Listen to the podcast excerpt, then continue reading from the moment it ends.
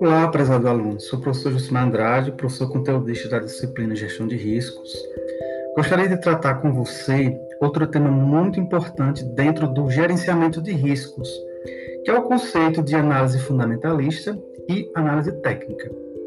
Essas duas análises são muito utilizadas por investidores que operam aí no mercado financeiro. Então, quando eles pretendem, por exemplo, comprar uma ação, vender uma ação, verificar como é que está a situação econômica financeira de uma determinada empresa, eles fazem análise fundamentalista e análise técnica.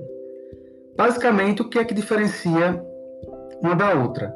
Uh, a análise fundamentalista ela é um tipo de análise que se, se, se baseia nos fundamentos da empresa, dá o nome análise fundamentalista.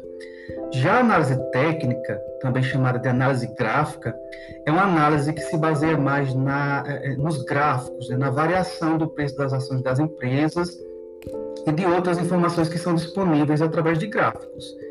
Uh, a análise fundamentalista ela vai buscar informações principalmente nos demonstrativos financeiros da empresa, que são o balanço patrimonial, a demonstração de resultado de exercício e outros demonstrativos financeiros que tragam aí a situação econômica e financeira da empresa naquele momento.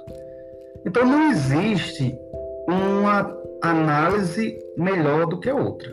A análise fundamentalista não é melhor do que a análise técnica e a análise técnica não é melhor do que a análise fundamentalista. Ambas devem ser utilizadas em conjunto quando o investidor pretende fazer as suas operações no mercado financeiro, ok? Então fique bem atento a essas características aí que diferenciam a análise fundamentalista e a análise técnica. Bons estudos!